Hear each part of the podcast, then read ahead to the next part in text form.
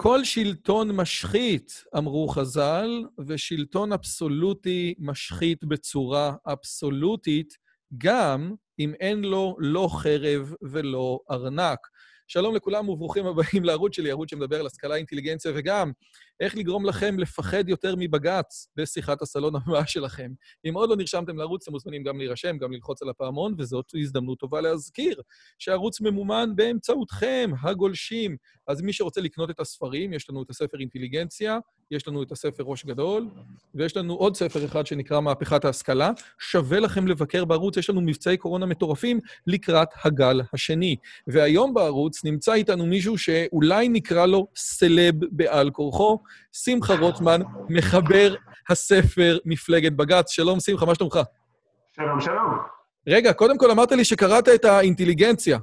נכון. זה בסדר? קראתי את האינטליגנציה, מאוד מאוד נהניתי, למרות שזה לא ספר שגורם הנאה, זה ספר אה, אה, שדי מבאס, אבל אה, כולם אמרו לי את זה אותו דבר על הספר שלי. כלומר, אז אני, אז אני מרגיש שזה שותפות גורל, שגם הספר שלי, אנשים קוראים אותו ואומרים לי, אה, זה מעצבן, אה, לא ישנתי בלילה, חטפתי עצבים וזה, הספר שלך פחות מעצבן, יותר... אה, יותר מכאיב. מציג את המציאות. אבל המציאות לא תמיד היא כמו שאנחנו רוצים, זה, וזה דבר ש, שחשוב לדעת. אני רוצה להגיד שלפחות בכל הנוגע למפלגת בג"ץ, אני מקווה שיש מה לעשות. לגבי אינטליגנציה זה מסר די פטליסטי כזה, אין, אין מה לעשות, זה מה יש. אז... אני... אני ממש מקווה שאתה צודק, ואני ממש מקווה שאנחנו נוכל לפתור את הנושא עם בג"ץ לפני שנפתור את הנושא עם האינטליגנציה. עכשיו, אני חייב לשאול אותך, אני חצ... לפני חצי שנה, כן, אתה יודע מה, לפני שנה, השם שלך, לא הכרתי אותו. הייתי בכנס השמרנות, אני, היית שם, דיברת, אבל לא הכרתי, זה לא היה משהו, ו, אה, אה, שלא היה משהו שהיה בתודעה. את השם של אליעזר שרגא, אני חושב, הכרתי יותר. ועושה רושם שהדברים האלה התפוצצו. אה, ממש, זאת אומרת, גם בנוכחות ביוטיוב, וגם בפודקאסטים, וגם בערוץ 20, וגם מפלגת בג"ץ, העובדה שאברי אה, אה, גלעד מדבר עליו בכל מיני מקומות. אתה חשבת שיהיה לזה כזה אימפקט לעבודה שלך? אני חייב לומר שבמשך הרבה מאוד זמן התפלאתי, אני חושב שאימפקט בקרב מקבלי ההחלטות כבר, מה שנקרא, ראיתי, ראיתי עוד הרבה קודם. זאת אומרת, הרבה לפני שאנשים כמוך ידעו לענייני בכנסת ובממשלה וזה ידעו, כי המודעות שלהם לבעיה הייתה קיימת הרבה קודם. זאת אומרת, זה קצת יותר מבאס, שוב, במסגרת הספרים המבאסים, אז יותר מבאס שהם היו מודעים לבעיה משלבים מאוד מאוד מוקדמים ופשוט לא עשו דבר בנושא, אבל המודעות שלהם לעצם הבעיה ולעובדה שגם בלדבר על הנושא, אבל גם בלהציע פתרונות אפקטיביים לטפל בבעיות מערכת המשפט, שקיפות, ניגודי עניינים שעכשיו עולה בהקשרים אחרים, הגבלת הביקורת השיפוטית, עילת הסבירות, כל הדברים האלו, בקרב מקבלי החלטות זה היה יותר ידוע. אחת המטרות של הספר מפלגת בג"ץ היה באמת לקחת את הנושא הזה, שבדרך כלל כשאתה אומר לאנשים, סבירות, שפיטות, זכות עמידה, חוקי יסוד, כבר אתה שם לב איך הטון שלי הופך לאט להיות יותר ויותר מרדים. הנה, אני אקרא ספר אחר בינתיים. כן, בדיוק. אז, אז המושגים האלו בדרך נוטים, וזה לא, זה לא בטעות, זה לא, מבחינת מערכת המשפט זה לא באג, זה פיצ'ר. הם, הם מנסים, ו, ועשו זאת במשך שנים רבות, להמציא שפה משלהם, אה, כדי שאנשים יחשבו, זה לא בשבילנו, זה בשביל המשפטנים המומחים. והדבר וה, הזה של הפיכת המשפט למושג כללי, זה תהליך ש, ש, שהופך להיות בשיח הכללי, זה תהליך שקורה בהרבה מאוד תחומים, בהרבה מאוד רמות, ולא סתם, אתה יודע, זה, זה לעומת זה עשה אלוהים, אה, מצד אחד אנחנו מדברים היום על אה, סבירות, אה, שפיטות, והפרדת רשויות, נכון? בצד השני יש הפגנות שוחד, מרמה והפרת אמונים. גם אלו שלושה מושגים משפטיים. אה, נכון שאנחנו יותר, את, המילה שוחד אולי יותר מכירים, מרמה והפרת אמונים זה יותר אמון, אבל שים לב שהדיון הפוליטי במדינת ישראל הפך להיות, בטובתנו או שלא בטובתנו, לוויכוח בין אנחנו רוצים, ש, אלו שצועקים, כמו שאמרתי, שוחד מרמה והפרת אמונים, לבין אלו שצועקים סבירות, שפיטות, הפרדת רשויות וכדומה, וזה, ו, ו, וזה בעיה. כלומר, זה טוב כי זה מציף את הבעיה שעליה אני מדבר כל הזמן, זו בעיה כי אנחנו כבר שכחנו במדינת ישראל לדבר במונחים אחרים, במונחים שהם לא משפטיים. כשאתה אומר לבן אדם, חברי כנסת מדברים בשפה של מה שאתם עושים זה לא מידתי, כי המילה מידתי נכנסה אלינו מהז'רגון של מערכת המשפט. במקום להגיד זה לא בסדר, במקום להגיד זה לא מוסרי, במקום להגיד זה טיפשי, במקום להגיד, זה, זה, זה, זה מביא את התוצאה הלא נכונה, אנחנו מדברים בשפה של זה לא סביר וזה לא מידתי. זה, זו בעיה, זו בעיה קשה, זה מרדד לנו את צורת המחשבה, וזה גם מונע, באמת, זה מונע אפשרות, לא סתם, אני מחבר מאוד חזק את העובדה שלא הצליחו להרכיב פה ממשלה, שלוש מערכות בחירות, וגם עכשיו מה שהצליחו להרכיב זה זה ממשלת משפטנים כזאת, למדנו את המושג פריטטיות ו, וכל מיני uh, הסדרים, וההסכם הקואליציוני כולל בתוכו כל מיני, uh, נהיה יותר מורכב ההסכם הקואליציוני מהחוזים הכי מורכבים ב, ב, במשפט העסקי, בגלל שכל זמן שאתה מדבר במונחים של טוב ורע, כל זמן שאתה מדבר במונחים של מוסרי ולא מוסרי, אז א', מתווספת לזה המילה בעיניי, זה טוב בעיניי, זה רע בעיניי, ואנחנו יודעים, אוקיי, אתה חושב שזה טוב, אני חושב שזה לא טוב, בוא ננסה להגיע לאיזה משהו שיהיה מקסימום טוב בשבילך, מקסימום טוב בשבילי. כשאתה מדבר בשפה משפטית, אז יש הכרעה בסופו של דבר. אוקיי? אז, אז זה לא סביר. אם זה לא סביר, אז עמדתך היא לא, אי אפשר להתחשב קצת בעמדתך. עכשיו, זה קורה לכל אורך החזית. זה קורה לכל אורך החזית, זה מונע פתרונות הדרגתיים. אה, אה, ש, ש, ש, שמייצרים אה, אה, קצוות, אה, קצוות לא מחודדים ולא משוננים. סתם, קח לדוגמה את הנושא של שילוב החרדים בצבא, או דיון שהתקיים היום ממש, בזמן שאנחנו עורכים את, את הפודקאסט הזה, התקיים דיון על ההפרדה באקדמיה, בבית המשפט העליון. אם אני חושב, נניח שאני אדם, כמו אחד מהאנשים ש... אני לא חושב שאני שותף להמון דברים בהשקפת עולמו, יובל אלבשן, דיקן, דיקן הפקולטה באונו. ואני חושב שהמטרה בסופו של דבר, אני רוצה שהחרדים יפסיקו להיות חרדים מסוגרים, אני רוצה את שילובם בחברה, אני רוצה שהם ייחשפו לאור של תרבות המערב, בסדר? זו, אני כמובן לא משתמש בו כדוגמה, יכול להיות שאני לא מציג את עמדתו בשיא הדיוק, אבל, אבל כמודל, בסדר? ואני חושב שהדרך הנכונה לעשות את זה היא במודל הדרגתי. ואז אני אומר, אוקיי, אז אני מוכן לעשות קצת ויתורים לטובתם, כדי שבסופו של דבר כן נגיע לחברה משולבת. אני מוכן שיהיו לימודים בהפרדה באקדמיה, כי אני יודע שבסופו של דבר עולם המעשה, המציאות חזקה מכולם, וגם אלו שלמדו בהפרדה באקדמיה, כשהם יבואו לחפש מקום עבודה ולממש את הפוטנציאל שלהם, הם יתפשרו על אה, ההפרדה, הם לא יהיו רק במקומות עבודה שמופרדים לגברים ונשים, או ששומרים על כללי הצניעות האחרונים מבית אה, חסידות סאטמר, והם אה, אה, ישתלבו, וככה בסופו של דבר יהיה לנו חברה אה, יותר ליברלית, פתוחה, מערבית, בסדר, נניח שזה מה שאני רוצה. אם אני אומר, קובע קביעה משפטית, שהפרדה בין גברים ונשים היא אפליה, היא הדרה, וזו קביעה משפטית שבית משפט קובע, אז איך אני יכול להתפשר עם הדבר הזה? איך אני יכול להגיד, לא, אבל מותר לך להיות רוצח בין השעות 2 ל-4? לא, זה דבר גרוע, זה אסור משפטית. כמו שאי אפשר לרצוח בין 2 ל-4, אי אפשר להדיר אה, נשים בין 2 ל-4, ואי אפשר לעשות הפרדה מגדרית בין 2 ל-4. זה בדיוק אותו דבר כמו אה, אה, חוגי הסגרגציה של השחורים בשנות, אה, חוג, אה, בשנות ה-50 בארצות הברית. זה מונע... אז אני, אז, אז אני רוצה רגע שנייה לחדד את השאלה, בגלל שמה אה, שאתה אומר זה כזה דבר. בסופו של דבר, אה, לגבי שילוב החרדים, או כמו שראינו לגבי אירועים בהפרדה בכלל, כאשר עיריית תל אביב, או איזושהי פונקציה משפטית אומרת, הדבר הזה לא, לא קביל, אז אם יש משהו שהוא לא קביל, הוא, לא, הוא פשוט לא יהיה קביל תמיד. חוץ מכאשר רוצים לעשות מרתון לנשים בלבד בתל אביב, שאז זה אה, בסדר.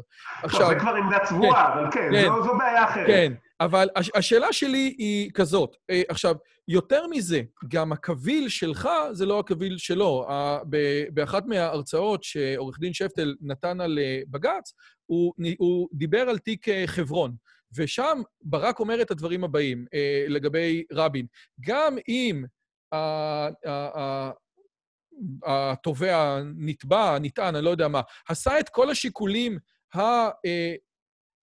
הלגיטימיים, ורק אותם, אבל הוא לא משקל אותם נכון, גם אז אני לא מוכן לקבל את זה. זאת אומרת, זה לא רק שלקחתי שיקולים שהם חיצוניים, אלא גם אם לקחתי רק את השיקולים שרלוונטיים לדיון עצמו. אבל אמרתי, רק שנייה, כמו שאתה אומר, מצד אחד יש לי פה את הרעיון של הפרדה בין גברים ונשים, שבחברה מערבית אנחנו לא מוכנים לקבל. מצד שני, אתה רוצה את הרעיון של השתלבות הדרגתית של קבוצת אוכלוסייה בחברה.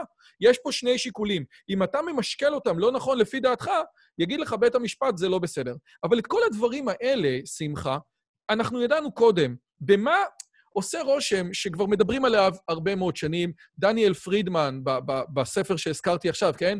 הארנק והחרב, הוא, הוא כבר דיבר על זה. מה קרה שעכשיו זה התפוצץ? הגיעו מים עד נפש? למה הספר של דניאל פרידמן לא עשה כזה בלגן, והספר של שמחה רוטמן כן עשה כזה בלגן? טוב, אז באמת, אה, הספר... אה... זה היה באמת עניין של שיח פופולרי ורשתות חברתיות וכל הדברים שאנחנו מכירים, הרבה תופעות אחרות, שקהלי היעד השתנו. אה, כשספרו של דניאל פרידמן יצא, וכשפרידמן היה שר משפטים, אז, אה, אז הזירה של הטוויטר והפייסבוק הישראלית אה, בקושי הייתה קיימת, והציבור לא היה נגיש לדברים, וזה זה, זה עניין של מה שנקרא לוחות הזמנים. דבר נוסף מאוד מאוד משמעותי שהתרחש, זה, אפשר לומר, אה, בנימין נתניהו. בנימין נתניהו לא רק, כמו שאמרתי, של כתבי אישום, אה, מרמה, שוחד, הפרת אמונים, שכמובן אה, כאשר מערכת המשפט מתנגשת, התנגשות חזיתית ברצון הרבה מאוד בוחרים, אז הם מנסים להבין רק רגע, רק רגע, מי מפריע לי, שזה כמובן אירוע. אבל אני מדבר על בנימין נתניהו כראש ממשלה, בנימין נתניהו כראש ממשלה בתקופתו, מאז שנת 2012, תמיד, אתה יודע, תמיד כשאני מתווכח עם, אה, עם אנשים אה, אה, מהצד השני, שלא לומר מהסיטרא אחרא, מה, זה תרגום מילולי. יש לך פה את שלום עליכם, איך אתה מדבר? מה אתה רוצה? סיטרא אחרא, הצד השני, תרגום מילולי לחלוטין. כשאני מתווכח עם אנשים מהצד השני, אז הם אומרים לי, הם מצטטים את האמירה המפורסמת, בג"ץ פסל רק 18 חוקים, מדי פעם צריך לעדכן ברשימה, 20 חוקים, 22 חוקים, זה לא משנה, אבל כולה 22 חוקים, מה אתם מתבכיינים? וזה מ-92 וזה, אז זהו, שלא. זאת אומרת, חלק הארי של המעורבות של בג"ץ בהסדרים שנוגעים לכל אחד ואחד מאיתנו ולציבורים גדולים בחקיקה, דהיינו ביטולי חוקים, קרה משנת 2012. אה, עד שנת 2012 בג"ץ מעולם לא פסל, שוב, התחלנו עם גיוס החרדים ושילוב החרדים, בג"ץ מעולם לא פסל חוק בקשר להסדר הגיוס, זה היה פעם ראשונה ב-2012. אה, שלושה, של, אה, שלוש פעמים ולאחרונה פעם רביעית, חוקים בנוגע למסתננים, הכל בפרק הזמן משנת 2012-2013 עד עכשיו. גם חוק ההסדרה, גם uh, בעניין התאגיד, גם באלף תחומים שלא תיגע בהם, בית המשפט יתערב בחקיקה בצורה דרסטית ומסיבית מאז שנת 2012. רגע, שמחה, שנייה רגע, אבל שמחה, שנייה. הטענה שלך, וקודם כל, אתה מביא את זה בצורה מדהימה בספר, של, של, שהקטע של פסילת החוקים זה דרך כל כך יפהפייה לשחק עם המספרים. ואני מסכים איתך לגמרי, אבל אני רוצה להבין את הטענה שלך, כי אתה אומר 2012 זה קו נקודת התפר, ביבי. עושה רושם שהחוקים שבג"ץ, שבג"ץ פוסל, אלה חוקים שיש להם נטייה פחות פרוגרסיבית, יותר לאומית. האם בג"ץ, בעצם מה שמעניין אותו זה לייצר איזושהי אה, אה, מדיניות יותר פרוגרסיבית, ליברלית בממשלה, או שהוא נגד ביבי. זאת אומרת, אם גדעון סער היה ראש הממשלה, בג"ץ לא היה מתנהל? למה, ואני שומע אותך הרבה, למה קו התפר זה ביבי ולא שלטון ימין שהוא נגד התפיסה הליברלית-פרוגרסיבית של שופטי בג"ץ? שוב, אני לא כל כך, לא כל כך זוכר ראש ממשלה ימני שהיה ראש ממשלה בתקופה שמאז מאז המהפכה השיפוטית תפסה תאוצה בסוף, בתחילת שנות ה-90 בבג"ץ. המהפכה השיפוטית התחילה קודם קצת, בשנות ה-80, אבל אה, תפסה תאוצה, ובייחוד אה, מה שנקרא נשק יום הדין של ביטול חוקים, אה, פעם ראשונה בוטל חוק במדינת ישראל אה, בשנת 1997. מי היה ראש ממשלה אז? לא אני אשם, מי היה ראש ממשלה ב-97? נתניהו. עכשיו, ופסילת החוקים בהתחלה דווקא לא הייתה בהקשרים של, אה, של פרוגרסיבי ליברלי, קשה לזה, אפשר קצת לדבר על שמאל וימין עם פסילת חוק ערוץ 7, אבל שאר הדברים לא ממש קשה, קל לשים אותם ברובריקה של אה, פרוגרסיבי לאומי דתי, אה, עד שנת 2012. עכשיו, אתה יכול להגיד עד שנת 2012, כשאחרים היו ראשי ממשלה, לא באמת באו לנסות לקדם מדיניות ימין שמרנית אה, אה, אה, כלכלית ולאומית, וכשהתחילו, אז תגובת הנגד מבית המשפט קמה ועלתה ו- ו- ותפסה תאוצה. אבל אני אומר שוב, מה שהתרחש בפועל זה שביטולי חוקים, ראש הממשלה הפחות או יותר היחידי מהימין שהיה מאז היה נתניהו, מאז שהתחילה המהפכה הזאת, ואפשר לומר, היעדר הטיפול שלו בפרשת בית המשפט ובכוח הרב ששופטי בית המשפט העליון והיועץ המשפטי נתנו לעצמם, אה, יצר אצלם כנראה גם תחושה שהכל, שהם יכולים לעשות הכל ולצאת מהכל, ולצאת מהכל נקיים. תקשיב, אני נוטה להסכים איתך, אני נוטה להסכים איתך, אבל כנגד ההסכמה שלי, זאת אומרת, ההסכמה שלי איתך היא, היא כזאת. בית המשפט רוצה לקדם את האג'נדות שלו, ומי ש... והוא מתנגד לאג'נדות שהן יותר קונסרבטיביות, ומי שעומד בראש הימין זה ביבי, אז זה מה שעושים. כנגד התפיסה הזאת, שאני בגדול לוקח אותה, אה, אה, כאילו שאני מסכים איתך, אומר קלמן ליבסקינד באחד מהראיונות שלו האחרונים, שבפרשת הרפז, אנשים לא ידעו מה צריך להגיד, כי הם לא ידעו איזה צד בפרשת הרפז זה בעד ביבי, ואיזה צד הם נגד ביבי. אז הם פשוט שתקו, כי הם לא ידעו בעד מי הם צריכים להיות בפרשת הרפז. זאת אומרת, עושה רושם, שזה, אגב, שזה ממש ממש משעשע. או, או, או אה, לפני כמה ימים, מוקי נמצא באחת ההפגנות בבלפור, ועוזב אותה, הזמר, ועוזב אותה בקסקי, הוא מבין שזה הכל אנטי-ביבי. אז, אז, אז אתה רואה, אני מוכן לקבל, ונראה לי שהקו שאתה מוביל, שבית המשפט מנסה להשליט את האג'נדה שלו, בעיקר נניח בפרשת המסתננים, שרואים את זה בצורה ברורה, היא, היא אג'נדה. אתה רואה משהו בבית המשפט שהוא משהו פרסונלי נגד ראש הממשלה הנוכחי, לפי דעתך? אתה רואה בהתבטאויות שלהם. אתה רואה בהתבטאויות שלהם, אה, העובדה שהשופטי בית המשפט בדימוס שהתראיינו למשל אה, בקשר לתחקירים של קלמן ליבסקין שהזכרת, אז אה, אמרו, אה, מישהו, זה לא מקרי העיתוי, מישהו מפעיל את זה, זה, עכשיו, בואו נגיד ככה, קשה לי, קשה לי מאוד להאמין שקלמן ליבסקין ישב והחליט לשבת על, על פרויקט המניעויות של שופטים, נושא שלדעתי הוא עוסק בו כבר זמן רב, שהוא התחיל לעסוק בזה כי הוא קיבל טלפון מנתניהו. לא נראה לי שזה הסיפור, אה, לא, אה, לא מצליח למצוא את הקשר, ואני אומר, הוא עסק בדברים כאלו, מה שנקרא, הרבה לפני שזה היה טרנד, אה, כמו שאומרים. אגב, היה לו תחקיר מטורף לגבי הבחירות, בזה, בנגלה השנייה, אני חושב, של הבחירות, על הרמאויות נכון. בבחירות, וגם עושה רושם שתחקירים שקלמן ליבסקין מביא, אה, בצורה גורפת, מתעלמים מהם. עכשיו, אם אני הייתי קלמן ליבסקינד, אני הייתי מפסיק לעבוד, זה, נור, זה, זה המון עבודה, ו, ו, וזה פשוט הולך לפח. מה שהוא הביא... אני חושב, שאנחנו, חושב שאנחנו רואים על זה קצת שינוי, אבל אני אומר, שים שנייה בצד, אנחנו, למה יש פה, אה, אה, דווקא בגלל ניתוח שלך, שאתה מדבר על אג'נדה שרוצים לקדם, ואני מקבל את הניתוח הזה, בהחלט יש אג'נדה, אני חושב אגב שהאג'נדה הפרוג... תקרא לזה הפרוגרסיבית, או אולי בתקופות מסוימות זה היה יותר ליברלי, פחות פרוגרסיבי, אבל בית המשפט העליון בהחלט לכל אורך קיומו, לכל תקופתו. בכלל, המשפט הוא כלי לקידום ערכים ליברליים. כך בית המשפט ראה את מקומו ואת תפקידו, ליברלים עכשיו בסדר, אז פעם הליברלי היה משהו אחד, היום הם מדברים יותר במונחים פרוגרסיביים, כי, כי הם לא באמת יודעים את ההבדל בין ליברלי לפרוגרסיבי. להגן על המיעוט, אני רק רוצה לחדד עבור המאזינים, בין היתר, כאשר אנחנו מדברים על טורקוויל, כן, וגם על המאמר של בנימין בראון, על מה ההגדרה של דמוקרטיה, בין היתר, בדמוקרטיה המיעוט יכול להימחץ תחת עריצות הרוב. והשופטים, שהם האריסטוקרטיה, אמורים לדאוג שהמיעוט לא יימחץ על ידי עריצות הרוב. כי אם הרוב מחליט, המיעוט לא שווה שום דבר, הרוב קובע. ואז יש לך איזשהו שופט שרואה מעבר לדמוקרטיה, שהדעה שלו שווה יותר, הוא מהטובים, מהאצילים, האריסטוקרטים, ולכן היה את זה, וזה אגב אסכולה שתמיד אה, אה, אה, אה, עבדו איתה, נניח גם בארצות הברית. אבל פה אתה רואה שזה הלך לכיוון אני, תראה, אני, אני, לא מחזיק, אני לא מחזיק כל כך מהתיאוריה הזאת, אני יודע שהיא קיימת.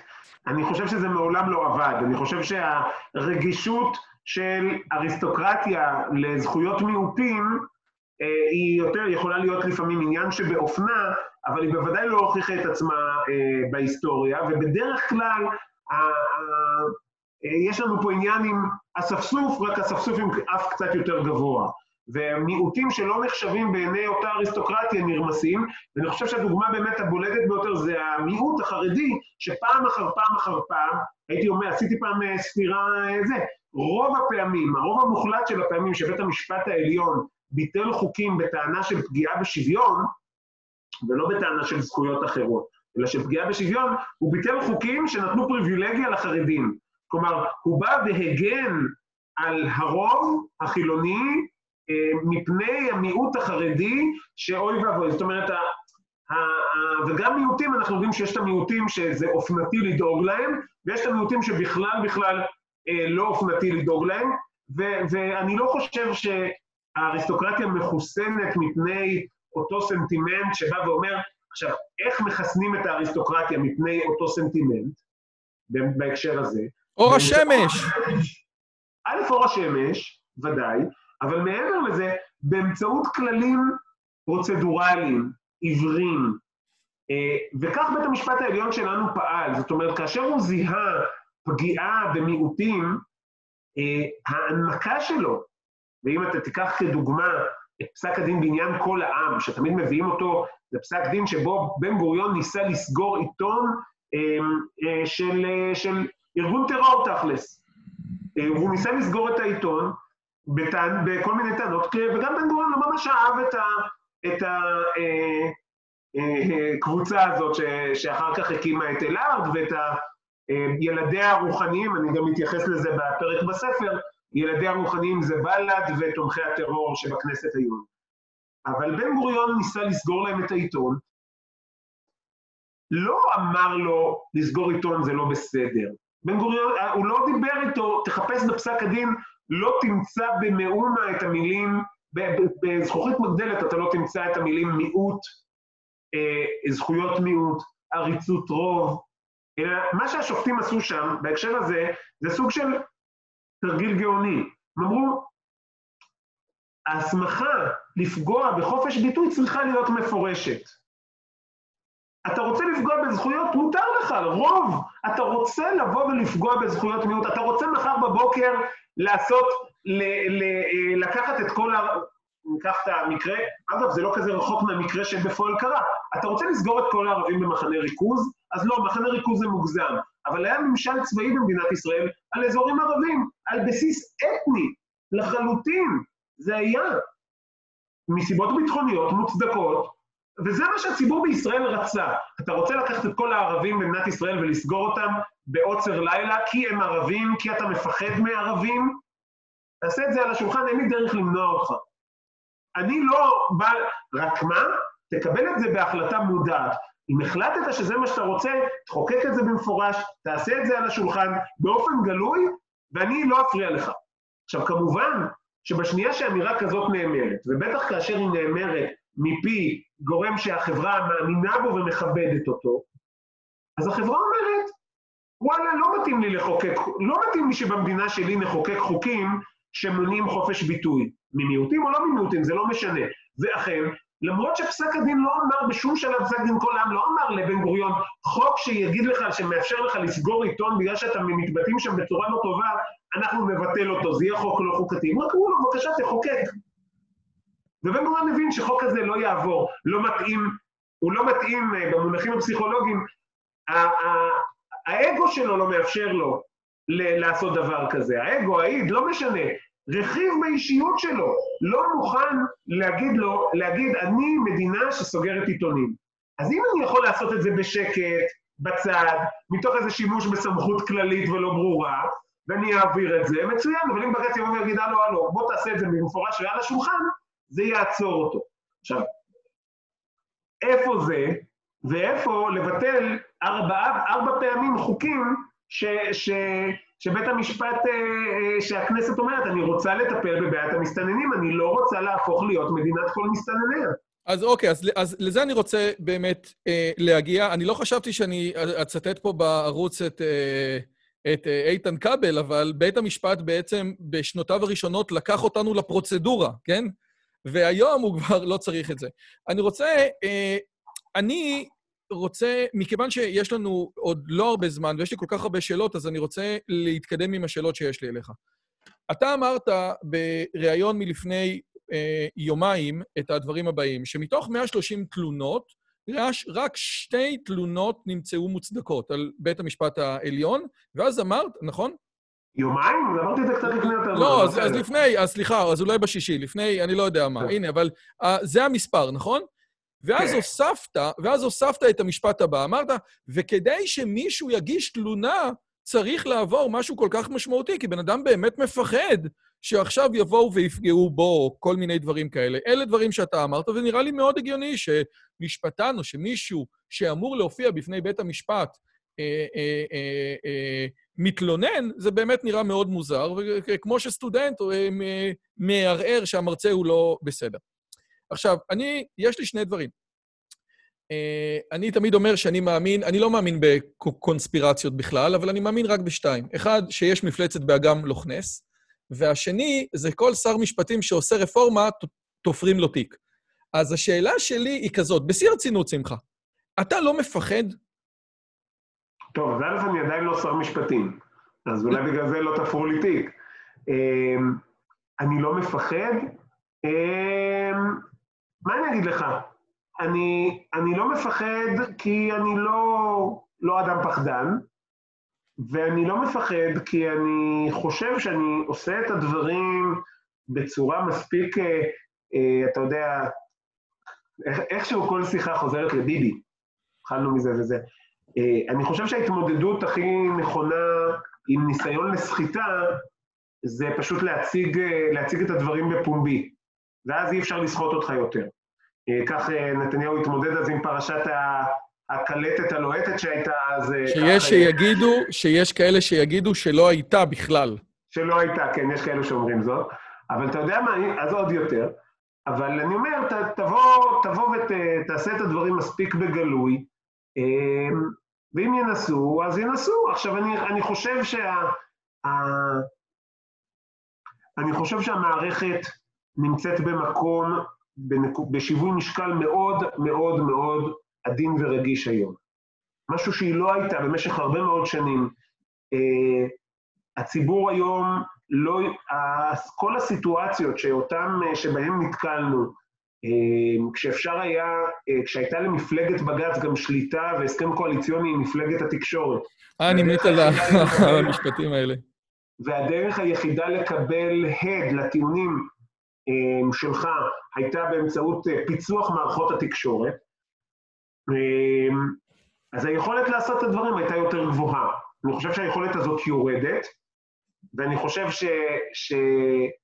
אמ, אני חושב שהמערכת יותר היום, כמה שאנחנו, אה, זה, המערכת היום יותר שקופה לציבור, לא ביוזמתה, אלא בגלל הרבה סיבות אחרות. ממה שהיא הייתה בעבר, ודברים שהם יכלו לעשות פעם, היום הם לא יוכלו לעשות.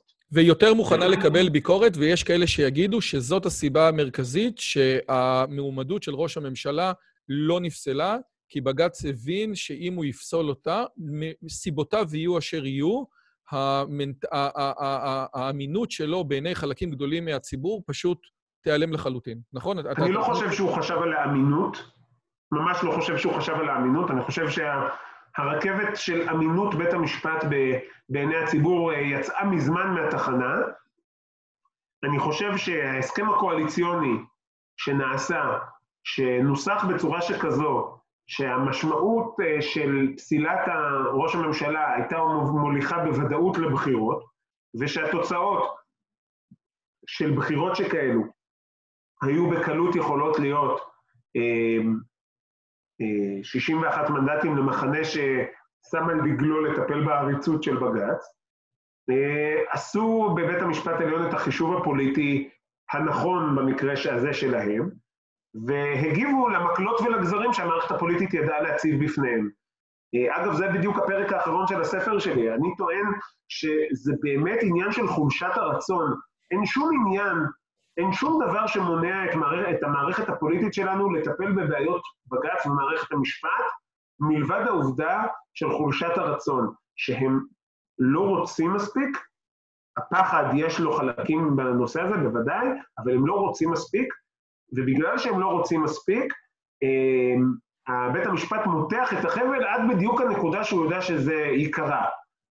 אגב, על זה אמר פעם הרב שרלו, אית דין ולית דיין. זאת אומרת, יש לנו את הפרוצדורות להתנהל, אף אחד לא, אין לו את האומץ. ולזה אני רוצה להגיע עוד רגע. עכשיו, הקליקה, תראה, מפלגת בג"ץ בגדול מתעסקת, או, או אם אני אקח את הרעיון הראשון שלך עם גדי, לעומת הרעיון האחרון שלך עם גדי, אז הרעיון הראשון באמת דיבר על האקטיביזם השיפוטי, הרעיון האחרון דיבר על משהו אחר לגמרי, על באמת, על ניגוד עניינים שהוא, אה, אה, אתה יודע, מה שקורה עם הנשיאה נאור, יש כאלה שיגידו ש... אה, הנשיאה, סליחה, הנשיאה חיות עם החברת ביטוח, יש כאלה שאומרים שזה גובל בפלילי, כן? זאת אומרת, יש פה באמת כבר, עזוב אקטיביזם שיפוטי, הלך, לך, משהו אחר לגמרי.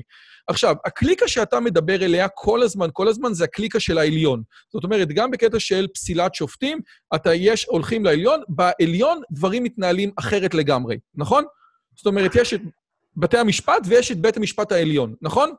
זה, זה נכון, למרות שלכאורה הכללים אמורים להיות אותו דבר, כמו שאתה אומר, אית דין ולית דיין. זאת אומרת, בגלל שבית המשפט העליון, אה, אין מישהו שיבקר אותו, אין בית משפט שמעליו, הם אה, פחות או יותר יכולים להרשות לעצמם לעשות מה שהם רוצים. רגע, כאשר... אז רגע, שנייה, אז, אז כשאני רוצה לשאול, אז כשאמנון, סטר, כשאמנון סטרשנוב, שהוא בבית המשפט המחוזי, מדבר yeah. ואומר, אוי לו לדור ששופט את שופטיו, הוא כבר בפנסיה, מה, מה, מה, הוא כאילו לוטש עיניים למשרה בעליון? מה, מה, מה הסיפור? לא, א', הוא כבר לא יכול, כי אי אפשר להתמנות מעל גיל 70, אבל לא, בוודאי שהשופטים, השופטים במחוזי, בעליון, בשלום, הם בסופו של דבר חברים באיזושהי אחווה, באיזושהי קליקה, שרוצים להגן זה על זה. יש מתחים בין שופטי העליון לשופטי המחוזי והשלום. המתחים האלו קיימים, אבל בסופו של דבר כולם רואים את עצמם חלק ממערכת אחת, שלמעט בודדים, הם חושבים, ואתה יודע מה, במידה רבה של צדק, הם חושבים שהם נמצאים, כשאתה נמצא בתוך מערכת, אתה רוצה, ואתה רואה, ואין ספק שיש דברים טובים במערכת, גם במערכת המשפט הישראלית, הנה סקופ, יש דברים טובים. אבל אתה רוצה להגן על הדברים הטובים, ואתה תמיד חושש שהביקורת, גם אם היא מוצדקת, תפגע בדברים הטובים, אז אתה מתגייס להגן על המערכת. אגב, זאת אה, הטענה המרכזית של החרב והארנק. קוראים לזה התקרנפות, כן. זו תופעה ידועה. אגב, זאת אומרת, מכיוון שלבית המשפט העליון אין דרכים להגן על עצמו, זאת אומרת, אין לו את הסמכות ואין לו את התקציבים, אז כל פגיעה בו, גם אם היא מוצדקת, היא ירייה בתוך הנגמש. עכשיו, לגבי הציטוט של רובינשטיין, שאומר את הדברים הבאים. קודם כל, אה, לגבי, עוד פעם, השופט רובינשטיין, ש, שאומר, וזה, אגב, זה הגיע לצד השני, לגיא זוהר, זאת אומרת, זה כבר הגיע לרמה של לצחוק על זה בתקשורת. הוא אומר את הדברים הבאים, קודם כל צריך לצאת מהנחה, בכפוף לשקיפות ולשכל הישר, שאני באמת לא יודע מה זה, ששופטים עושים מלאכתם נאמנה, זה דבר שהוכח ב-72 שנות המדינה שיש לנו. עכשיו, אני, אחד ה... כאשר אני, לצורך העניין, מתלבט לגבי התנהלות של פקידי המדינה, או עכשיו, עכשיו, אתה יודע, נותנים מענק לכל אחד, וזה נראה לא הגיוני. אני תמיד יוצא מנקודת הנחה אחת. שנבחרי הציבור, או אנשים שנמצאים בדרגות הגבוהות של הפקידות, זאת אומרת, ראש אגף התקציבים במשרד האוצר הוא בן אדם שהוא לא טיפש. אני יודע מה זה, אני הייתי בחיל אוויר, אני יודע מה צריך כדי להיות מסגן, מרב סרן לסגן אלוף, ומסגן אלוף לאלוף משנה. תת-אלוף בחיל אוויר, ללא יוצא מן הכלל, זאת אישיות בלתי רגילה, כולל רמי דותן, אישיות בלתי רגילה. אז, אז זאת נקודת ההנחה תמיד שאני יוצא ממנה. אנשים הם לא רעים ולא טיפשים. לא, לא, לא טיפשים, כי באמת צריך להיות מיוחד כדי להגיע לדרגות האלה, והם לא רעים. אנשים, אין להם עניין לעשות דווקא למדינת ישראל. את, את, קודם כל, שתי הנחות היסוד האלה, אלה הנחות שאתה מקבל, גרוסו מודו? אני חושב ש... אני לא מכיר את כל מערכות השלטון. אני יודע שבכל מערכות השלטון יש אנשים טובים. אמ, אבל אני לא, אני, כמו שאמרתי לך, כשמדברים במונחים של טוב ורע, אז צריך להוסיף את המילה בעיניי. האם אדם שיושב בתפקיד ציבורי וחושב שלטובת מדינת ישראל הוא צריך לגרום לכך שכל... אתה, אפשר לקחת את זה לשתי הדוגמאות. אני, אני בן, בן אדם יושב בתפקיד ציבורי, והוא משתמש, חושב שהדבר הכי טוב למדינת ישראל זה שכולנו נחזור בתשובה ונהיה חרדים וחסידיים בחסידות גור. והוא משתמש בתפקידו הממשלתי כדי להביא למטרה הזאת. הוא רשע? הוא טיפש? הוא לא רשע והוא לא טיפש. האם מה שהוא עושה הוא רע? בעיניי כן.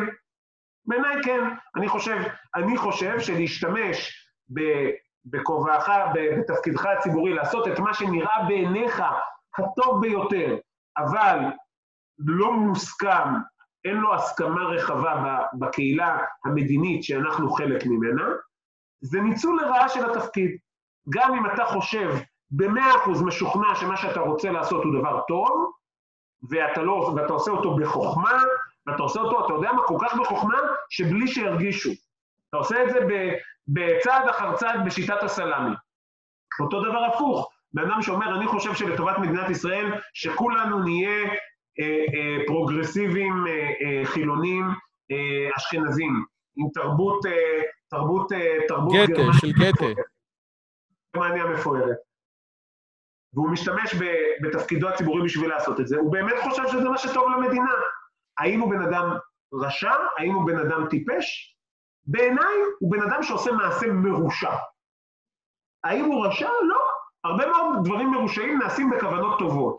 זה בעיניי פעילות מרושעת. להשתמש בתפקיד הציבורי שלך כדי לכפות את תפיסות העולם שלך על כולם, זו פעילות לא לגיטימית. Okay. אם אוקיי. אתה נבחר ציבור, בשביל זה נבחרת, כדי לקדם אג'נדה מסוימת. אבל אם אתה משתמש בכובעך כשופט, או בכובעך כפקיד ממשלתי, או כיועץ משפטי, או כמשנה ליועץ המשפטי, ואתה עושה את הדבר הזה, אפילו שבאמת אני, יש לי, אתה בן אדם נפלא, אתה מתנהג יפה לשכניך, אתה בן אדם יודע לדבר יפה, הכל טוב. אתה עושה מעשה מרושע ולא לגיטימי. טוב, אז אני רוצה לשאול אותך, קודם כל אני מקבל את ההבחנה הזאת, שבעצם המילה טיפש לא רלוונטית פה, אלא המילה רע, השאלה רע בעיני מי. והנה עוד ציטוט של השופטת טובה שטרסברג, כהן, נכון? כן. השופט הוא בראש ובראשונה עצמאי ולא תלוי בשום דבר, אלא בעקרונות היושר, הצדק, ההגינות והמוסר. עכשיו, הבעיה בציטוט של השופטת הזאת, אה, אה, שעוד פעם, הציטוט הזה בעצם מדבר על זה ששופט יכול להחליט האם הוא פוסל את עצמו או לא פוסל את עצמו. למה הדבר הזה הוא רלוונטי לי? הדבר הזה הוא רלוונטי לי בגלל סיבה אחת. הוא רלוונטי לי מכיוון ש... אה, אנחנו יודעים שיש לצורך העניין, בבית המשפט, אה, עשו ניסוי בבית המשפט בחיפה, ואז אנחנו רואים ששופטים אה, לפני ארוחת הצהריים נוטים להיות הרבה יותר אכזריים משופטים אחרי ארוחת הצהריים. מה זה אומר? זה אומר שהשופט, שהוא מגדיר את עצמו ככפוף לעקרונות היושר, הצדק, ההגינות והמוסר, הוא קודם כל כפוף לכמה שהוא רעב. ושופטים, ובכל... עכשיו, איך... הרי השופטת טובה שטרסברג מכירה את המחקר הזה. היא מכירה את ההטיות של שופטים. לא צריך להגיע לעיתון הארץ ולמחקר שכאשר יש נאשם ערבי ושופט ערבי, הסיכוי לקבל הקלה גדלה ב-50%. אני מדבר על משהו שלא קשור לכלום. שופט רעב נוטה להיות יותר אכזרי משופט שבע.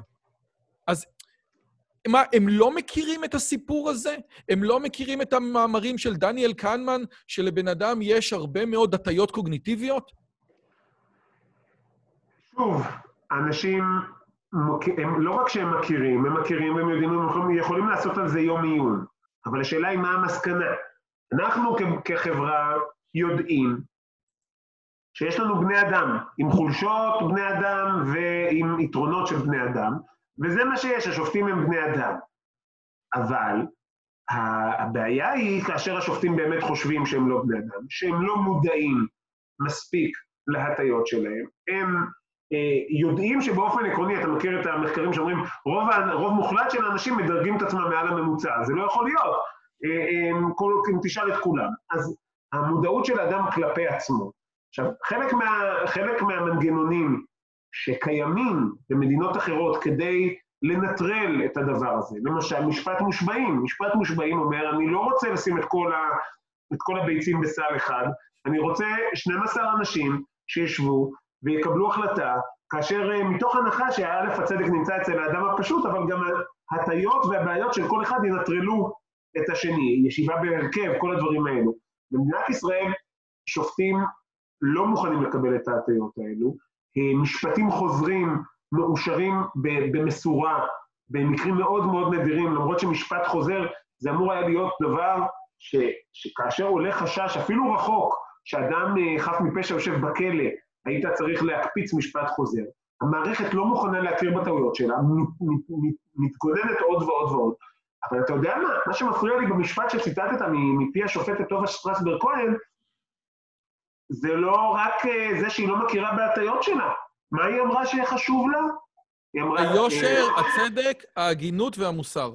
יושר, צדק, הגינות ומוסר. אז יושר, אני מניח שזה בסדר, כי, כי בסופו של דבר יושר אומר איך אתה מפעיל את הכללים עם כולם. צדק זה חלק מהתפקיד של בית המשפט לפי, לפי חוק יסוד השפיטה. הגינות, לא יודע, מה זה הגינות, זה מושג מאוד עמום, אבל מוסר? מה הקשר בין משפט למוסר? יש חוק. עכשיו, שופט שנבחר בתפקידו אומר, אני מתחייב לשמור אמונים למדינת ישראל ולחוקיה, לשפוט משפט צדק, לא להטות משפט ולא להכיר פנים. איפה מוסר נמצא בסיפור הזה? ואם אני חושב שחוק מסוים הוא לא מוסרי, אני יכול להחליט לא, לא, אה, לא לפעול לפיו? אגב, היו הרבה פסיקות בארצות הברית שלשני הכיוונים. בן אדם אומר, אני חושב שאתה, אני, אני חושב שאתה נוכל ונבל, אבל מה לעשות שהחוק לטובתך? או אני חושב שאתה בסדר, אבל מה לעשות שהחוק לרעתך? זאת אומרת, השופט כאחד שמעביר את דבר הפרוצדורה או את דבר המחוקק לסיטואציה הקונקרטית. יש מקרים, יש מקרים בודדים שבהם אה, ניתנה לבית המשפט היכולת לעסוק בנושא מוסר. אה, למשל, בחוק החוזים יש הוראה שאומרת שכאשר יש חוזה לא מוסרי, בית המשפט לא ייתן סעד. זאת אומרת שלבית המשפט יש את הפריבילגיה לבוא ולהגיד במקרים מסוימים, אדוני היקר, אה, אתה עשית, נניח שאני עשיתי חוזה איתך אה, לרצח. שאני בא, שאתה תרצח עבורי את, את פלוני. ו, וכתבנו בהסכם שאם מסיבה כלשהי אתה לא תבצע את החוזה במועד, אתה תשלם פיצויים של 20 אלף שקל, אה, כפיצוי מוסכם בינינו. עכשיו, זה שלא רצחת מצוין, לרצוח זה, זה באמת משהו שאסור. אבל, אבל אה, אני בא ומבקש את הפיצויים, אין ספק שלא רצחת. אבל אין מחלוקת בינינו, ברוך השם יש הסכמה בינינו שאתה את הרצח לא ביצעת. אנחנו באים לבית משפט, ואני אומר, אני מבקש אה, סעד אכיפה, שהוא תורה, לבית, תורה לו לשלם את ה-20 אלף שקל. אז בית המשפט לא יבוא, יבוא ויגיד, אה, סליחה, לפי החוזה אתה צריך לשלם. לא, בית המשפט יכול לבוא ולהגיד, החוזה הוא לא חוקי, לא מוסרי, נוגד את תקנת הציבור, אני לא, לא דן בתיק. אני לא אתן לך סעד על פיו. זה מקום מאוד מסוים שבו בית המשפט יש לו, יש לו אה, עמדה. מעניין שדווקא שם בית המשפט בסיטואציות שונות מתעלם מערכי המוסר של החברה. אגב, גם צריך להבין, לא מוסרי, לא מוסרי בעיני מי? האם זה לא מוסרי בעיני השופט? או שהשופט צריך לנסות לקלוע לטעם המוסרי של החברה. וזה באמת דבר מאוד בעייתי, כי השאלה היא רק, רגע, השאלה היא היום, לגבי מוסר, רוב האנשים תופסים לגבי המוסר תפיסות המוטיביסטיות. זאת אומרת, כשאתה אומר מעשה מסוים הוא מוסרי, אתה בעצם אומר, זה מוצא חן בעיניי. וכשאתה אומר, זה לא מוסרי, אתה אומר, אני לא אוהב את זה. זאת אומרת, כל אחד ומוסרו הוא, בייחוד כשאין מוסר שהוא טרנסצדנטי. עכשיו, כנגד כל מה שאמרת, ואני מסכים עם כל מה שאמרת, אני רוצה לתת את האיפכא מסתברא היחידה שיש לי. האיפכא מסתברא היחידה שיש לי, ואתה יודע, בדקתי איך אני יכול לתקוף אותך. והדרך היחידה לתקוף את כל הטענות שלך, עוד פעם, סליחה, למעט הטענות של ניגוד עניינים, שזה באמת שכונה שלא ברא השטן. אבל אני מדבר על הטענות של הפסילת חוקים היותר משמעותיות. הטענת, הטענה שגם אה, נניח מיכאל אברהם אומר אותה, במדינת ישראל מאז היווסדה אין באמת פרלמנט, הרשות המבצעת שולטת ללא מצרים ברשות המחוקקת וקובעת באופן חד משמעי כל מה שקורה בה, ומכיוון שאין לנו רשות מחוקקת, אז ההפרדה בין הרשויות היא בעייתית. אפשר לראות את זה, מה שקרה היום עם החברת ועדה של הקורונה, כי בסופו של דבר הממשלה שולטת בכנסת, וכתוצאה מהמצב הזה, מעמד החוקים בישראל ירד לשפל ללא תקדים. זאת אומרת, הכנסת, כל... בג"ץ הממשלה, כל ממשלה חדשה משנה חוקים על ימין ועל שמאל, ואפשר לראות את זה לגבי גיוס החרדים. אז בסופו של דבר צריך שניים או שלושה לטנגו, וזה לא רק שבג"ץ פוסל חוקים, בין היתר הכנסת או בא, או הרשות המבצעת, דרך הכנסת, מחוקקת חוקים, או, או פוסלת חוקים, או משנה חוקים, בצורה עם יד מאוד קלה על ההדק. אתה אתה מוכן לקבל את זה שיש פה כמה שמשתתפים בטנגו הזה? אני חושב שדווקא מה שקרה בוועדת הקורונה הוא הוכחה ברורה לכך שמה שמיכאל אברהם אמר הוא, הם, מאחר ומיכאל אברהם מתבטא, אני מעריך מאוד אותו ואני מעריך את ההתבטאות החדה שלו, אני אגיד שמה שהוא אמר עם שטויות במיץ עגבניות. אגב, רגע, סליחה, הוא רק אמר את זה לפני הקורונה, הוא, הוא כתב את זה לפני, אה, שלושה חודשים. אני אומר, זו טענה שלא הוא המציא, זו טענה שנאמרה על ידי הרבה מאוד אנשים. אני חושב שמה שקרה עם ועדת הקורונה, זו הוכחה ברורה לכך שזה לא נכון. אה, אגב, רואים את זה גם בוועדת הכספים. יש במדינת ישראל וכמוה כמו, זה נכון שבמדינת ישראל אין מודל טהור של הפרדת רשויות, וכמעט בשום מקום אין מודל טהור של הפרדת רשויות, אה, אה, בין, בארצות הברית היא אחת הבודדות שבאמת אתה בוחר שני בתי נבחרים, כל אחד בתאריכים שונים, ויש מנגנונים מאוד מאוד מורכבים. ברוב המדינות שבהן יש משטר פרלמנטרי, כמו באנגליה, כמו בישראל, כמו במדינות דמוקרטיות אחרות, הרוב הקואליציוני שולט הן בממשלה והן בפרלמנט. זה נכון, ולכן מי ששולט, לא, לא הממשלה שולטת בכנסת, ולא הכנסת שולטת בממשלה, הרוב הקואליציוני שמשקף רוב בבחירת הציבור, שולט גם בכנסת וגם בממשלה. גם בארצות הברית, כאשר יש בחירות שבהן גם הסנאט וגם בית הנבחרים וגם הנשיא, כולם נהנים מרוב רפובליקני או דמוקרטי, אתה יכול לבוא ולהגיד, המפלגה הרפובליקנית שולטת בארצות הברית. וזה יהיה נכון, כי העם בחר, בשיטותיו הוא, העם בחר, שהוא רוצה את המפלגה הרפובליקנית ואת המפלגה הדמוקרטית. ולכן יש רוב קואליציוני ששולט בכל הגופים האלה. עכשיו, מתי אתה רואה שזה לא עובד? עובדה, ועדת הח"כים, כולל מהליכוד, רגע, רגע, רגע, שמחה, אמרת איזה, אה, אמרת איזה משהו והיה איזושהי קטיעה. איפה, שזה, איפה, איפה זה לא עובד? איפה זה לא עובד? אתה, אני אומר, כשה, כשהרוב הקואליציוני מגובש ומסכים, ומגובש מאחורי רעיון או אדם או תפיסה, אז ברור שהרכבת שה, שועטת למקום שאותו מעוניין רוב הציבור לקדם. וטוב שככה, העם, העם הוא הריבון, העם צריך לשלוט בכל שלוש הרשויות. זה ששלושת הרשויות, זה, הם, המטרה שלהם היא לא לאזן את רצון העם, העם הוא הריבון בדמוקרטיה. עכשיו, אתה בא ואומר, את כוחו של העם, אני, יש לי חשש, למה הפרדת הרשויות היא חשובה? לא כדי לאזן את העם, כדי למנוע בעיית נציג. בעיית הנציג באה ואומרת, אני אתן, אם אני העם הוא הריבון, בוא תן לי לבחור אדם אחד שהוא יהיה גם הרשות המחוקקת, גם הרשות המבצעת וגם הרשות השופטת. אומרת לך, תיאוריה של הפרדת הרשויות, אם לא תפריד את הכוחות ותשים את כל כוחותיך בידי אדם אחד, אז הוא עלול להשתמש בזה טובתו האישית ולא לטובת העם. שבחר בו, ולא יהיה שום ריסון עליו. תפריד את הכוחות, תן את הכוח א' לזה, א', ב' לזה. אז הנה, זה נעשה. כל חבר כנסת הוא יחידה עצמאית. הוא יכול להמרות את פיו של הראש מפלגה שלו. אנחנו לא נמצאים בשיטה שזה גם קרה, זה קרה כל כך הרבה פעמים. אתה יודע שפסקת ההתגברות עברה בממשלה, בכנסת הקודמת, בממשלה הקודמת, היא עברה בממשלה, בוועדת שרים, היה רוב בממשלה לחוקק את פסקת ההתגברות, הצעת חוק של חבר הכנסת בצלאל סמוטריץ', מה קרה עם הצעת החוק הזאת? איפה היא היום? היה רוב בממשלה שאישר אותה. אף אחד לא יכל לקדם אותה, אפילו לא העלו אותה להצבעה לקריאה טרומית, כי בכנסת לא היה לה רוב. איך יכול להיות שיכול להיות רוב בממשלה למשהו ולא רוב בכנסת? הנה עובדה. עכשיו, בזמן אה, אה, ממשלת אולמרט עברו בכנסת חוקים פעם אחר פעם אחר פעם, למרות התנגדותה של הממשלה. למה? כי הקואליציה לא שלטה בחבריה כמו שצריך, כי לעם לא היה אמון באולמרט, אולמרט נהנה מאחוזי אמון מאוד מאוד נמוכים, ולכן לא היה שום מחיר פוליטי שחבר כנסת משלם כשהוא היה רב עם אולמרט, אז כל ח"כ הצביע לפי רצונו, ולכן עברו המון המון חוקים בזמן ממשלת אולמרט, למרות התנגדותה של הממשלה.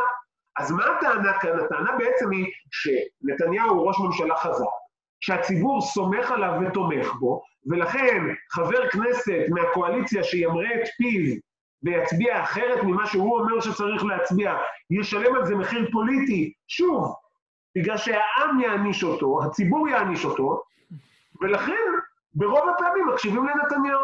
זה לא באג, זה feature. אוקיי, רגע, בסדר. אתה יודע מה? אני, אני, אני מוכן לקבל את זה בשתי אה, הסתייגויות. קודם כל, ההבדל, יש, יש עדיין הבדל בין מה שקורה בארצות הברית למה שקורה בישראל. אתה רואה את זה למשל בטראמפ, שרצה לבטל את האובמה-קייר, אז הקונגרס, שהיה רפובליקני במהותו, בגלל שטראמפ התנהל לא לפי הכללים, אז שם לו שם רגליים, אבל בסופו של דבר, חבר ממשלה, הקונגרס הוא לא בתוך ה... ממשלה, זאת אומרת, יש שם יותר הפרדה, אבל אני מקבל את מה שאתה אומר. השאלה שלי היא לגבי משהו אחר, לגבי הקטע של החוקים. לגבי זה שאין פרלמנט, שכנעת אותי. מה קורה לגבי החוקים? קח למשל את מה שקורה בארצות הברית עם החוק לנשיאת נשק, התיקון השני לחוקה. ועכשיו כולם עכשיו מתווכחים האם זה רק אקדחים או רובי סער. למה אנשים לא משנים את החוקה? יש את התיקון השני שמותר נשק, בוא תשנה אותו. אפילו הצד הליברלי מפחד לגעת בחוקה האמריקאית. זאת אומרת, יש משהו של כבוד מאוד גדול לחוקים, ועושה רושם שפה הכבוד לחוקים הוא הרבה פחות ממקומות אחרים. את זה אתה מוכן לקבל? אני חושב שבמדינת ישראל אין חוקה, ויש סיבה טובה שבמדינת ישראל אין חוקה. הרבה סיבות טובות שבמדינת ישראל אין חוקה. ולכן היחס לחוקה אה, והמנגנון לשינוי חוקה הוא הרבה יותר קל.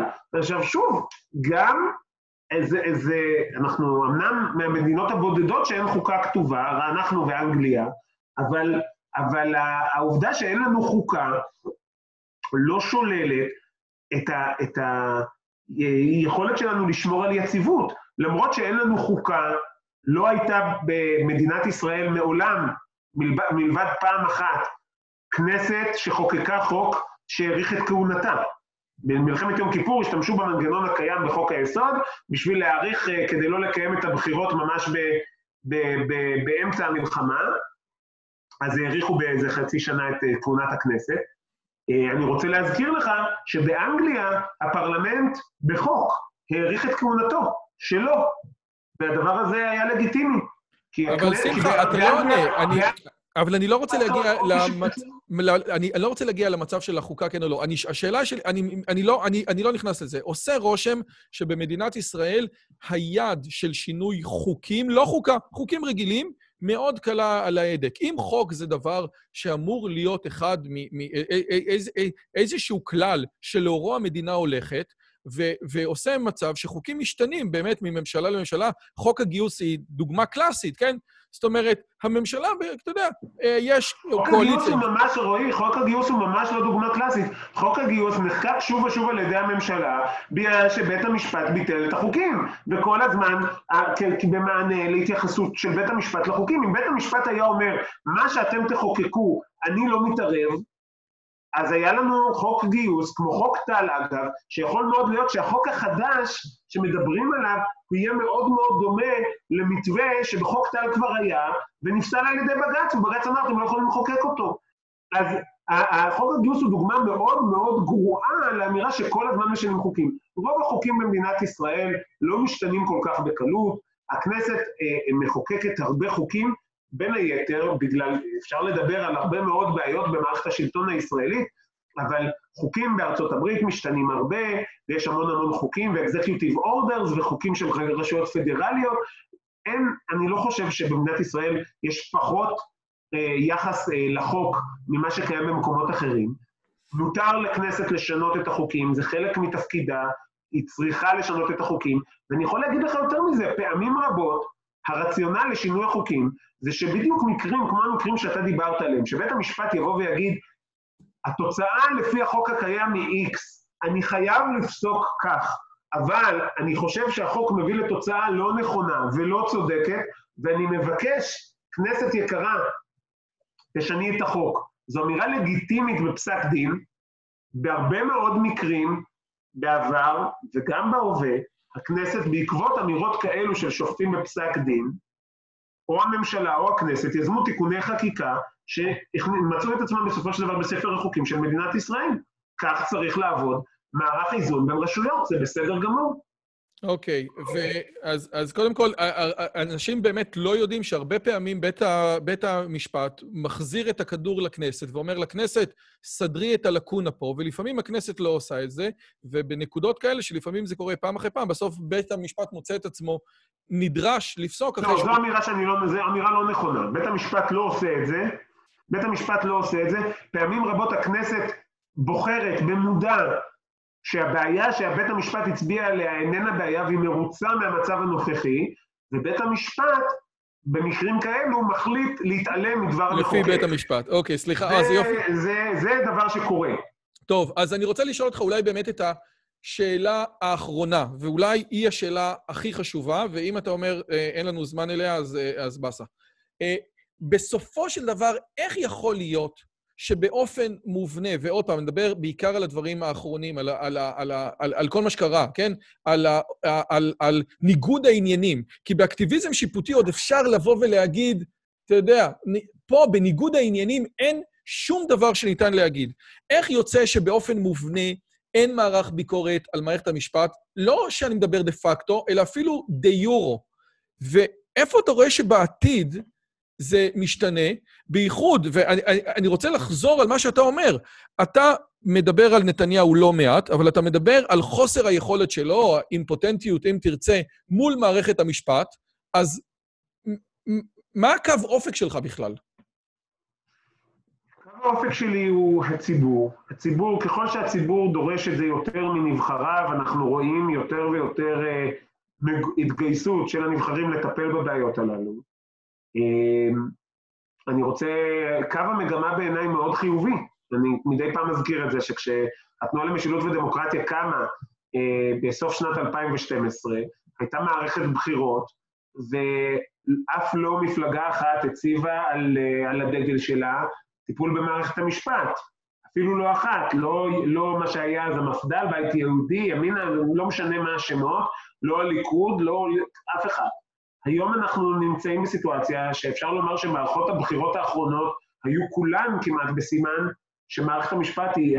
אם היית שואל מהם שלושת הנושאים החשובים ביותר על סדר היום, אה, בוודאי זה היה נכנס לכל אחת מהרשימות שכל אדם היה נותן לך, עם מערכת המשפט. אז הנושא הזה, המודעות הציבורית בהחלט מביאה תוצאות. אה, אני חושב שבסופו של דבר, אה, נבחרי הציבור צריכים להרים את הכפפה. האם נבחרי הציבור הקיימים יודעים לעשות זאת? האם אה, נבחרי הציבור אה, רוצים לעשות זאת? האם צריכים שיבואו שחקנים חדשים לשוק הפוליטי שהם אלו שידחפו את זה? אני לא יודע, אני לא פרשן פוליטי. אני, אני, אני בהחלט חושב אבל שה, שגם אה, הפוליטיקה מצייתת לכללי ההיצע והביקוש. וככל שהביקוש לטיפול במערכת המשפט יהיה יותר גבוה, כך אה, נראה יותר ויותר שחקנים נכנסים לשוק ההיצע. אבל לא ענית לי לגבי איך זה קרה דה יורו, שהמערכת הגיעה בלי שום איזונים. הרי בין היתר, חלק מהמערכות שאנחנו לקחנו, לקחו לקוחות מהחוק הבריטי, מהחוק האמריקאי, ושם יש איזונים ובלמים בתוך מערכת המשפט. איך קרה שלקחנו כמה דברים ואת זה שכחנו לקחת? דה יורו, לא דה פקטו. התשובה היא שבית המשפט העליון שלנו אה, הוא יצור די ייחודי, אין, אין כל כך אותו בעולם. אה, הוא מורשת מנדטורית. ש, ששם את בית המשפט העליון בראש הפירמידה בצורה שכזו, בראש ובתחילת הפירמידה, הרי כשעותרים לבג"ץ זו ערכאה ראשונה ואחרונה, אמ, ו, והמורשת המנדטורית הזאת שנועדה למנוע מהילידים אה, את היכולת אה, לנהל את המדינה בעצמם, חלילה, ולאפשר לבית המשפט העליון, שבו תמיד בערכאות הנמוכות אה, ישבו שופטים, שופטים natives, ילידים. native זה יהודים וערבים, בבג"ץ תמיד דאגו שזקן השופטים יהיה בריטי, ולכן תמיד הביאו אליו את כל הדברים. המערכת הזאת שנועדה בעצם במידה מסוימת, המנדט הבריטי לא הסתיים. אנחנו עדיין נמצאים תחת שלטון זר, רק שבמקום אה, שלטון זר של הבריטים, יש לנו את השלטון של אה, בית המשפט העליון. ואני יכול להגיד לך שגם באחותינו, אי אפשר להגיד התאומה, מבחינת הגודל ומבחינת התרבות, אבל אחותנו ההודית, אה, הודו שגם היא אה, החלימה מאותה סיטואציה, גם שהמערכת המשפט אה, אולי הכי קרובה לשלנו מבחינת המבנה, בגלל אותה בעיה של מורשת מנדטורית שנועדה לפגוע ביכולתם של הילידים לשלוט במערכת המשפט. ומערכת המשפט שם עד כדי כך יצאה מאיזון, שממש, פרסמתי את זה בכמה מקומות, שכאשר המערכת הפוליטית ניסתה לשנות את שיטת בחירת השופטים ולהפוך אותה לקצת יותר דמוקרטית, אה, פסלו את התיקון הזה, תיקון לחוקה. אה, בית המשפט פסל את התיקון לחוקה שנועד אה, כביכול לשנות את אופן הבחירה של, שלו עצמו. התוצאה הייתה שבעצם יש לנו במערכת שם שופטים שמונו לפי שיטה חדשה ושופטים שמונו לפי השיטה הישנה, שהם לא מכירים בלגיטימיות אלו של אלו, ומוציאים זה לזה צווי אשפוז בכפייה. עכשיו, זה לא מצחיק, זו המציאות בהודו. עכשיו, אם אנחנו לא רוצים להגיע למציאות הזאת, אנחנו צריכים uh, לאשפז את עצמנו מרצון אולי, ולא בכפייה. אני צריך לעצור פה, אני לא יודע. זה, זהו, עכשיו אני צריך לחשוב, זהו. הרגת אותי? וואו. זאת אומרת, תכלס, אני מגיע יותר מתוסכל אחרי השיחה איתך. אם אתה אומר, תקשיב, הודו את, חוותה את אותו דבר בגלל המנדט הבריטי, שים לב למה שקורה שם ותראה בזה תמרור אזהרה, הדבר הזה הוא מאוד מאוד מאוד בעייתי. אני נוהג לסיים את הראיונות שלי או את השיחות שלי בצורה אופטימית, אבל אני לא מצליח לעשות את זה איתך. אתה, אתה, יש לך משהו אופטימי? לי ודאי שיש משהו אופטימי. אתה אמרת לחלוטין, אמר, מה שהתחלנו איתו היה אופטימי. אמרת שעד לפני חצי שנה בקושי שמעת על הנושא, אה, לא, לא הכרת את הפעילות של התנועה למשילות ודמוקרטיה, לא הכרת את הפעילות שלי, אה, אה, וכמוך עוד רבים רבים רבים. וההתעוררות שאנחנו רואים בציבור לסוגיה הזאת, ומאחר ובכל זאת, למרות הכל, אנחנו מדינה דמוקרטית, אמ, למרות כל הפגמים אמ, שמתקשים, אנחנו מתקשים להתמודד איתם, אה, התעוררות ציבורית אה, היא בהחלט דבר אופטימי, כי בסופו של דבר, מההתעוררות הזאת יבואו גם צעדי השינוי. טוב, אז לפני, לפני, לפני שמאשפזים אותנו בכפייה, בגלל שאתה כל הזמן מדבר על ביבי, אני רק אגיד שאלן דרשוביץ היה בארץ לפני חודשיים, בדיוק ביום של הבחירות, והוא דיבר על ה impeachment, על הנאום impeachment שלו נגד טראמפ, ואתה יודע, הוא הגיע לשם, ורוב הסנטורים היו סטודנטים שלו בהרווארד, ואחרי שהוא סיים, מה שהיה זה מה שהיה, והוא אומר, הייתה מילה אחת שלא אמרתי בכל השעתיים נאום של ה impeachment. אתה יודע מה זאת המילה? טראמפ. טראמפ.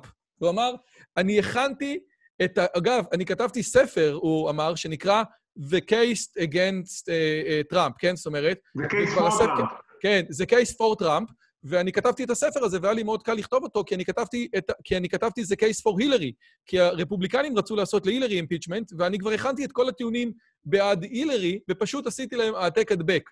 זאת אומרת, הרעיון היה שבסופו של דבר, עזוב את ביבי, אלא קח את הדברים בפרוצדורה, כן? כמו שהם, וזה מה שאלן דרשוביץ אמר. אומר, אותם טיעונים שרציתי להגיד לבית המשפט מול הילרי, הם בדיוק, בדיוק, בדיוק אותם טיעונים שאמרתי מול טראמפ, מבלי להגיד את השם טראמפ ולו אבל, פעם. אבל אתה יודע למה הנאום שלו לא עבד. למה? אבל הוא, אבל הוא כן עבד, בסוף לא היה impeachment. לא, כן, לא היה impeachment. היה במקום שבו היה רוב פוליטי בבית הנבחרים היה, והסנאט חסם את זה. בית הנבחרים פעל, כמובן בניגוד לנאום של, של דרשוביץ, כי בגלל הנימוק רב העוצמה, זה לא אותו דבר. אמ, עכשיו, הנימוק זה לא אותו דבר. אמ, מי, ש, מי ששולט, את, אה, יש כל מיני אמירות, איך אתה רוצה לזהות מי שולט עליך, מי שאתה לא יכול לבקר אותו, מי ש... יש כל מיני. אני אומר שמי ששולט זה מי שיכול להגיד זה לא אותו דבר. אה, כי אם יפה. הוא יכול להגיד זה לא אותו דבר, אז זה לא משנה, נו, אז הראיתי לך, ש... הראיתי לך שחיות אה, ישבה בתיקים שהיא לא אמורה לשבת, ושבמקרים אחרים שהיו דברים דומים, שופטים הודחו מתפקידם, או קיבלו נזיפה, או, או, או נציב התלונות מצא את התלונה נגדה מוצדקת. ואז הם לא... זה לא אותו דבר. בדיוק, הם לא צריכים להתווכח איתך בכלל, הם רק אומרים זה לא אותו דבר, ובזה נגמר הסיפור. אני עושה, עושה רושם, שמחה, שאין לך את חוש המומחיות של המשפטן בקצות האצבעות שלך. אין לי מה להגיד. Uh, עכשיו, אני תמיד שואל את, שני, את האורחים שלי שתי שאלות בסוף. אחד, יש לך ספר שקראת בחמש שנים האחרונות ששינה משהו בדרך המחשבה שלך, לאו דווקא בספר שקשור לעולם המשפט. ספר שקראת בשנים האחרונות שעשה שינוי בדרך המחשבה שלך? או שאתה ממליץ עליו, אתה יודע, וואו, זה ספר שממש טוב? אה, יש ספר שקרא, בחמש השנים האחרונות, קשה לי להצביע על חמש השנים האחרונות, אבל אם אנחנו מסתכלים על תקופת זמן קצת יותר ארוכה, יאללה, תיתן. אה, אני חושב שסדרת הספרים של, אה, של אורסון סקוט קארד, או, המשחק אה, של אנדר. המשחק של אנדר, סדרה, הסדרה הזאת היא בהחלט סדרה שאני חושב שמאוד מאוד השפיעה עליי, ואני מאוד ממליץ למי שלא קרא אותה לקרוא, ומעבר, אתה יודע, זו סיטואציה של מדע בדיוני והכול, אבל בסופו של דבר, בסדרה הזאת הוא, הוא נוגע בהמון המון תרבויות ותפיסות עולם ותיאולוגיה וזה, זה מאוד מאוד מאוד מרתק. אה, זו, זו סדרה שאני... או, נהדר. אגב, יש אה, ראיון של אורסון סקוט קארד עם בן שפירו, לאחרונה אנחנו גם נשים reference לראיון הזה. והשאלה השנייה, מכיוון שהערוץ הזה, לפחות במתכונת ההיסטורית שלו, עסק ועושה גם בפרודקטיביות, וזאת השאלה האחרונה, יש לך איזשהו טיפ להיות פרודקטיבי יותר? כי באמת עושה רושם שגם הראיונות שלך וגם הספרים וגם ה- להיות בפני בתי המשפט זה דבר שצורך המון זמן, אנרגיה וכוח. יש לך איזשהו טיפ לפרודקטיביות? לישון פחות. אה, לא, זה, זה באמת, אה, זה, זה עניין של, אה, של מסירות ו, ו, ו, ו, והקרבה. אה, אני יכול להגיד מעבר ללישון פחות, להתחתן נכון, זאת אומרת, אם, אם אשתי היקרה לא הייתה מאפשרת לי את, את, ה- באמת את היכולת ל... אני, אני איש משפחה למופת גרוע בהקשר הזה. אני לא, זה באמת אה, לא נמצא, לא נמצא הרבה בבית, אני משתדל לפצות מה שאפשר, וברוך השם שיש שבת, ותמיד זה טוב, אבל, אבל אה, אני יכול להגיד שבהקשר הזה הקורונה הייתה בשבילי די ברכה, כי לא הייתי יכול לצאת מהבית חלק מהזמן, ובאמת אה, גיליתי מחדש את המשפחה שלי, אבל אני באמת אה, אה, אה, נמצא המון, משקיע המון המון שעות. אה, אני לא בטוח שה... אה, פר שעה הפרודוקטיביות שלי כל כך גבוהה, אני פשוט משקיע המון זמן. יפה, מה שנקרא, ממני תראו וכן אל תעשו, אבל, בדיוק. אבל תתחתן נכון, זה גם מה שמרדכי קדר אמר לי, אז זה יפה מאוד. שמחה רוטמן, מהתנועה למשילות ודמוקרטיה, מחבר הספר מפלגת בג"ץ ולוחם צדק וחופש באשר הוא. אני מקווה שיהיה לך חושי מומחיות של משפטנים. אגב, זה משפט שיעקב טירקל אמר כדי להסביר למה הוא יכול לעשות מה שהוא רוצה בוועדות שלו. תודה רבה רבה רבה על הזמן שלך. להתראות. ביי, תודה.